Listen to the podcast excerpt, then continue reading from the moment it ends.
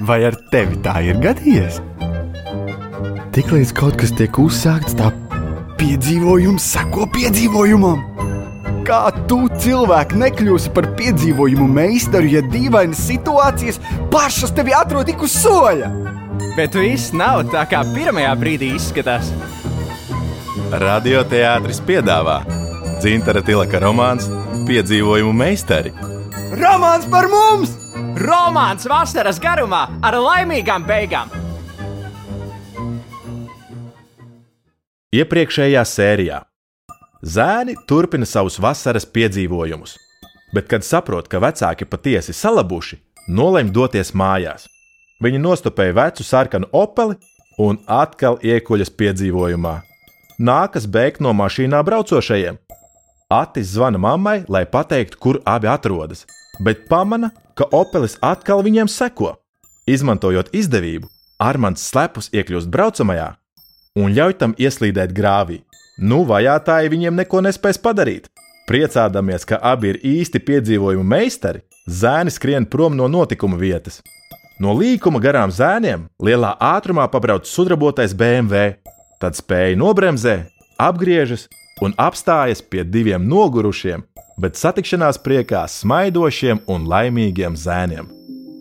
9. no 11 lasījumiem.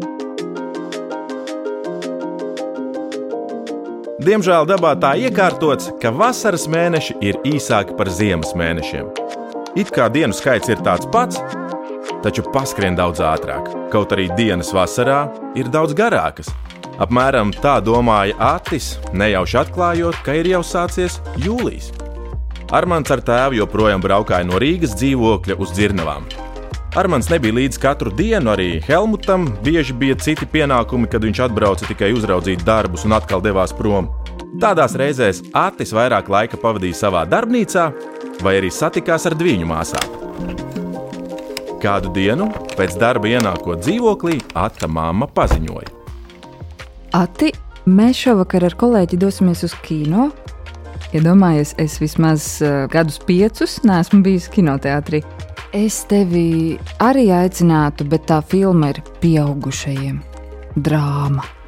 Es nē, es negribu nekādu drāmu. Man patīk piedzīvojumi. Re, man jau atbrauc pakaļ. Labi, es skrienu. Līdz vakaram dēls. Atis paliecās uz loga pusi, lai redzētu, ar kādu mašīnu mammai pretī atbraukusi kolēģi. Bet ieraudzījis no mašīnas izkāpjam vīrieti pelēkā žaketē, Atis apjuka. Vīrietis smaidīja un pamāja ar roku mammai, kur arī izskatījās, ka priecīga. Pārāk priecīgi. Abi iekāpa un aizbrauca, bet Atis pie loga stāvēja joprojām apmulsis. Mēs ar kolēģi. Un, protams, es domāju, ka tā ir sieviete, bet tikpat labi var būt arī vīrietis. Kolēģis. Nē, tas man kaut kā nepatīk. Nemaz nepatīk. Tas pat izskatījās stulbi. Abi smaida kā kaut kādi baigie jaunieši. Ja es būtu zinājis, būtu labāk uzreiz pieteicies līdzi. Pārciest arī to drāmu un sēdēt viņiem pa vidu, lai skatās filmu, ja jau ir kinoteātrī. Gara stāvoklis bija sabojāts. Atis piezvanīja Armandam. Čau! Es Rīgā, kad braukšu šeit. Rīt? Ļoti labi, ir problēma. Jā, liela. Iedomājies, mana mamma ar kaut kādu veci, kurš esot viņas kolēģis, aizbrauc uz kino kā kaut kādi, kā kaut kādi jaunieši, baigi smaidīdami, taisni riebjas. Vajag kaut kādu plānu, man tas nepatīk. Iedomāsies vēl viņu atvest te pie mums, nu zini, tas jau būtu pat traku. Mamma pārradās vakarā apmierinoši smaidīga. Tas Atim nepatika vēl vairāk. Nu, kā tad patika filma? Tā nekas. Nu, varbūt mazliet garlaicīga, bet uh, toties ļoti labi aktieri. Kinoteātris ir pavisam pārvērties, izremontēts, ļoti ērts. Tas gan man patika, bet uh, popkorns. Es joprojām nesaprotu, kāpēc kinoteātrī kaut kas ir jāgrauž. Un ko tad kolēģis tas stipiņš? Arī patika. Normāls kolēģis. Varbūt viens no retajiem darbā, ar kuru var parunāties arī par kaut ko citu, ne tikai par darbu. Ah, baigais muldētājs, ja? Un tāds tev patīk. Ati! Tev nešķiet, ka izsakies nepieklājīgi par cilvēku, kuru pat nepazīsti? Un negribu pazīt. Tā. Man nesen kāds teica, ka es esmu greizsirdīga tevis dēļ, bet tagad man liekas, ka greizsirdīgs esi tu manis dēļ. Nomierinies. Turklāt es jau esmu pieaugusi, gan jau kaut kā tikšu galā. Atis krietni par agru bija atnācis uz dzirnavām. Ārpusē gandrīz visi darbi jau bija pabeigti, bet ēkas iekšpusē varēja dzirdēt skaļu rosīšanos. Atis iegāja iekšā. Tie, kas ilgāku laiku strādāja šajā objektā, zēnu jau bija ievērojuši, un kāds vīrs no otrā stāva kāpņu galva viņam uzsauca, ka saimnieks pusstundas laikā ieradīsies. Atis vēroja, kā pirmajā stāvā tiek ielikta grīda, un mēģināja atcerēties, kāda grīda bija tad, kad viņš uz šejieni skrēja spēlēt paslēpes, un vai vispār tad bija grīda. Ārpusē pie dzirnavām piebrauca pazīstama mašīna. Atis sasveicinājās ar Helmutu un Armāndu apmainījās ar pāris teikumiem, tad pasauca draugu sāņus. Nevarēju tevi sagaidīt, uztraucos. Kas būs tālāk? Ja nu viņa izdomā apprecēties ar to pretīgo tipiņu, Tik pretīgs? Vismaz man tā izskatās. Viņai gan laikam nē. Ja apprecēsies, es bēgšu prom. Tu man pievienosies? Pagaidi, pagaidi, Čalī, tu baigi strauji domā. Vēl jau nekas nav noticis. Vajag pavērot, vairāk izprašināt, nevis uzreiz uzbrukt. Okay? Braukšu uz pilsētu, aiziešu, paskatīšos, kas notiek pēc darba. Brauks līdzi? Nu, ja tu gribi. Jā, gribu. Man tas ir ļoti svarīgi. Pajautāšu, cik ilgi šovakar tēti te būs. Pateikšu, ka vajag ar tevi aizbraukt, un tūlīt būšu atpakaļ. Armāns iegāja dzirnavās un ilgi nerādījās, bet tad iznāca kopā ar savu tēvu. Armāns viens slepus noplātīja rokas, pagriezies pret ati, bet skaļi teica: Tēti, Marijā esot darīšanas pilsētā, viņš mūs aizvedīs. Kad es pateicu, kas mums jāizdara, viņš arī uzreiz pieteicās braukt. Tu ko? Tu viņam pateici, ka izsekosim? Jā, pēc mūsu nesenajiem piedzīvojumiem es apsolījos viņam vienmēr stāstīt taisnību. Tas nemaz nav tik grūti.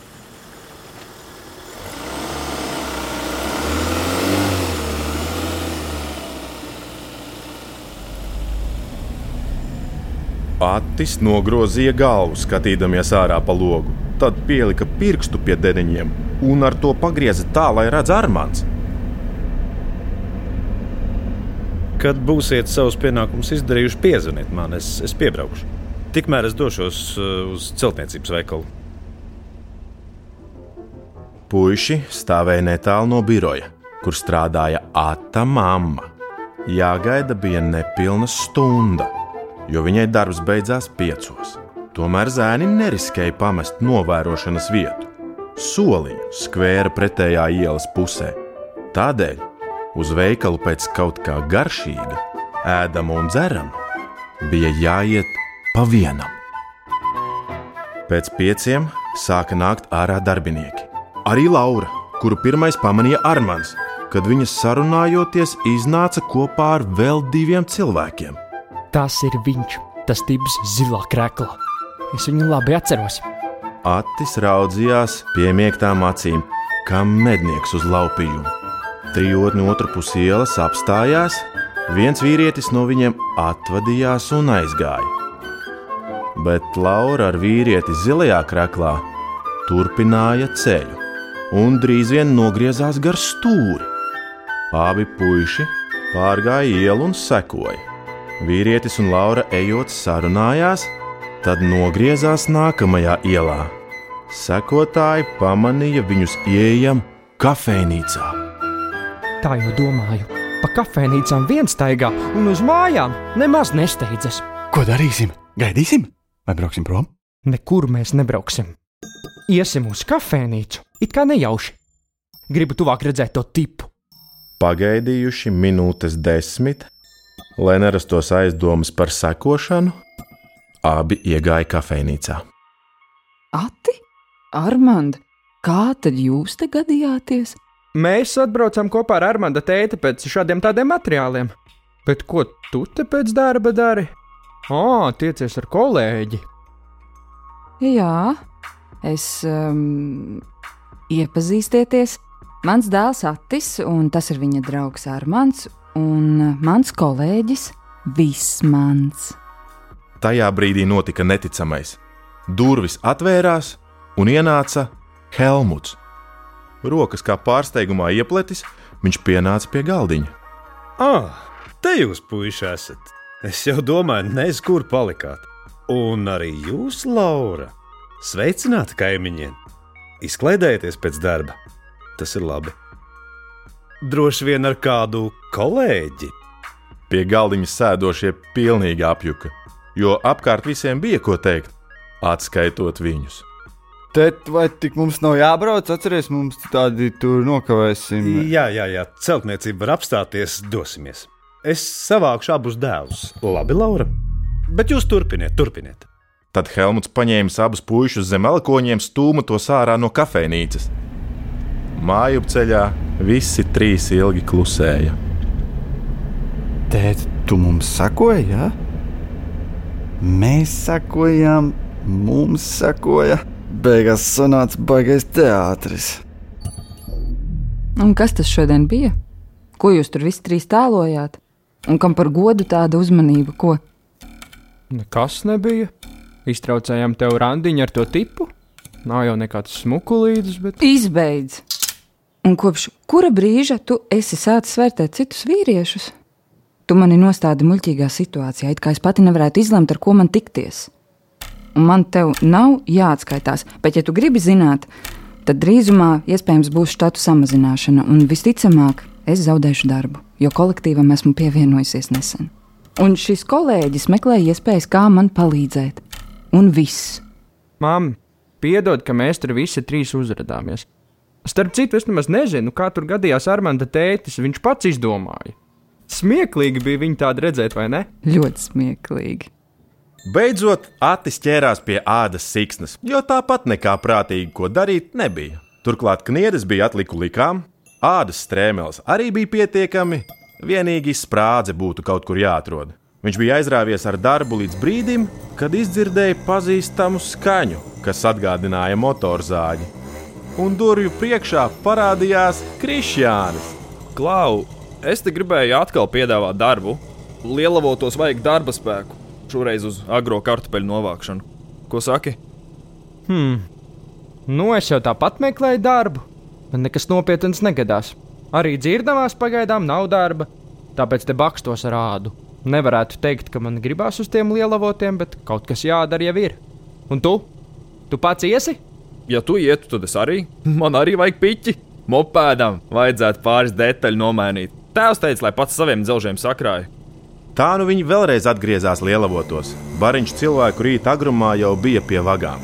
Saimnieks pazina abus puikas, pasmaidīja un teica, ka šoreiz gan tradicionāli, bez viņu jaunās mehanizācijas. Zēni piekrita ziedot pāris dienas agrajiem kartupeļiem. Vakaros pēc darba Atis devās uz upi nomazgāties un pie reizes arī nopeldēties.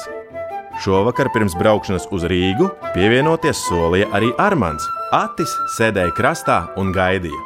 Pēc brīža viegla soļu dipoņa pa taku vēstīja, ka draugs tuvojas. Čau! Jau noģumpājies! Noģumpājies! Kas tas ir?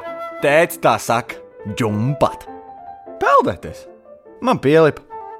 Armāns izņēma no somas niršanas masku, cauruli un plēznas.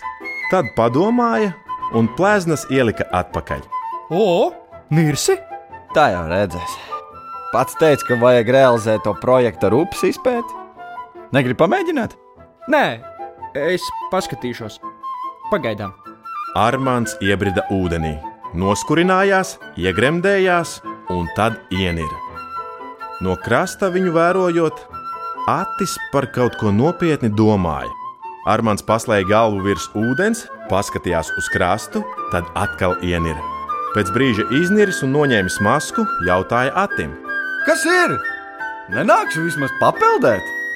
Nē, es. Uh, es. Uh, nu, es nemāku peldēt. Atis, zinot Armānda raksturu un īpašo attieksmi pret ūdenspriekiem, gaidīja, ka sekos smiekli vai kaut kāda paņirgāšanās, bet Armāns nopietni teica: Tā nav nelaime, to var iemācīties. Zini, es arī ilgi nepratu. Pat laidos no nodarbībām basēnā, bet tad, kad mani pa īstam ielūka divings, nekas cits neatlika. Es iemācīšu. Gribi? Nu, ne jau tagad. Nu, varbūt citreiz, ja nepārdomās. Man, man tikai nevienam nestāst, citādi dabūs pa koko. Ok. Viņš aizpeldēja uz upes otru pusi un pāris reižu ienira tuvāk krastam. Armāns ienira vēl un vēl, bet šoreiz pie tuvākā krasta. Baigais dūļs tur dibenā! Neko nevar redzēt! Atim šķita, ka Armāns vēl kaut ko ir pamanījis. Jo iznira, nopētīja no augšas, tad atkal ienira tajā pašā vietā. Šoreiz viņš iznira, vilkdams līdzi kaut ko smagu. Ew! Atradums! Konkrēti! Armāns izkāpa krastā, stiepjot kaut kādu nešļauju, kas bija aplipusi ar ūdens zālēm. Viņš pienāca un nolika atradumu zemē netālu no ata, kurš tūdaļ tupus nometies, ņēmās notīrīt. Armāns nometās blakus, turēja vienu malu, kamēr Atis mēģināja atvilkt rāvējslēdzēju, bet tas nebija iespējams. Nekas cits neatlika, kā nest somu uz ata darbnīcu. Somu vajadzēja uzmanīgi atgriezt ar šķērēm, jo metāla rāvējslēdzējs bija pavisam sarūsējis. Viņi divi tā paņēma somu, apgrieza otrādi un uz darba galda izbēra tās saturu. Tur bija gan pāris konservu kārbu, gan termos, miklā masā pārvērtusies karte un kaut kāda brošūra, kā arī aizdarīts nepārāk liels maisiņš. Viņi to atvēra, maisiņš bija gandrīz pilnībā paglābis savu saturu, dažus dokumentus, māciņu un fotokameru. Wow! Wow! Reāls seifs ūdenī! Skaties! Kamera gan no mitruma tāda cietusi, izskatās, nekādas jēgas nebūs no tāda veca digitālā vērķa. Ē, Baterija iztecējusi, viss atķeps, fočuks pa galam, arī objektīvu atvērt neizdosies. Nav nekāds vērtīgais atradums šitais. Re, divas pases. Malas arī izmirkušas, bet kaut ko tomēr salasīt varēs. Vairākas naudas zīmes, papīrs kā salodzīta vēstule un kaut kāda neliela fotografija ar smaidošas sievietes portretu. Ne vēstule, ne fotografija nav cietušas. 210 eiro alga par atradumu! Reāli labais! Vienai dienai nav slikti, ko? Upes izpēta turpinās. Es atbraukšu rīt atkal. Noteikti. Atradumus noglabāt tepat. Rīt visu apspriedīsim. Brent Laurent un Elīna Laurent. Skaidrs, ārzemnieki. Vīrs ar sievu. Nav nekāda jaunie spriežot pēc fotografijām. Bet no kurienes atceļojuši? Koninkrīk, Beļģija, Rojaume, de Beļģiju, Koninkrīk, Beļģija. Beļģija? Jā, nu tāpat atbraukuši. Atis pamanīja, ka pagalmā jau stāv mammas baltais golfiņš. Tā tad viņa ir mājās. Atis gribēja visu atrasto aiznest uz dzīvokli, lai parādītu, bet tad saprata, ka tas nebūs droši. Pasaucis māmu uz darbnīcu, viņš izstāstīja par ideju izpētīt upes dibenu un par šīs dienas atradumu. Apžēliņi! Tie nabaga cilvēki laivojot, visu pazaudējuši. Nevar iedomāties, kādas viņiem bija problēmas pazaudējot dokumentus svešā valstī, mūsu svētas upē. Tiešām beļģi. Anke 1994. gads. Varbūt tā ir viņa meita, un tā vēstule ir arī no viņas? Jā, mazliet līdzīga mātei, jā, droši vien meita. Iedomājies, Ati, cik viņiem varētu būt svarīgas šīs lietas, ja jau vadīja līdzi kopā ar pasēm. Tiešām, tas man neienāca prātā. Neviens normāls ūdens turists tāpat vienu līdzi nevazātu kaut kādu vēstuli, turklāt uz ārzemēm. Ko ar to visu darīt? Atradums ir vērtīgs, bet uh, ne jau naudas ziņā. Tie 200 nav nekas liels, pārējais var būt vērtīgāks. Un fotoaparāts. Varbūt bildes no atmiņu kartes var saglabāt. Un redzi, te vēl ir divas kredītkartes paslēpušās. Jā, kopā ņemot zaudējums bija liels, bet laiks ir pagājis, visus zaudējumus droši vien pārdzīvojuši, dokumentus arī sen jau nokārtojuši. Vienīgi tas foto un vēstule. Kā tu domā, kā varētu uzzināt, kad viņi te ir bijuši? Nespēju iedomāties. Zīmoks pasē par ierašanos. Ja pēc Latvijas iestāšanās Eiropas Savienībā, tad nē. Un arī, ja būtu, šīs lapas ir pārāk izplūdušas. Ati uz digitālajām fotografijām bieži vien ir uzstādīts datums, lai vieglāk varētu atcerēties, kādu un kuru bildēts. Māmu, tu esi kā īsta detektīve. Kārtējo reizi tevi atklāja kāda jauna talanta.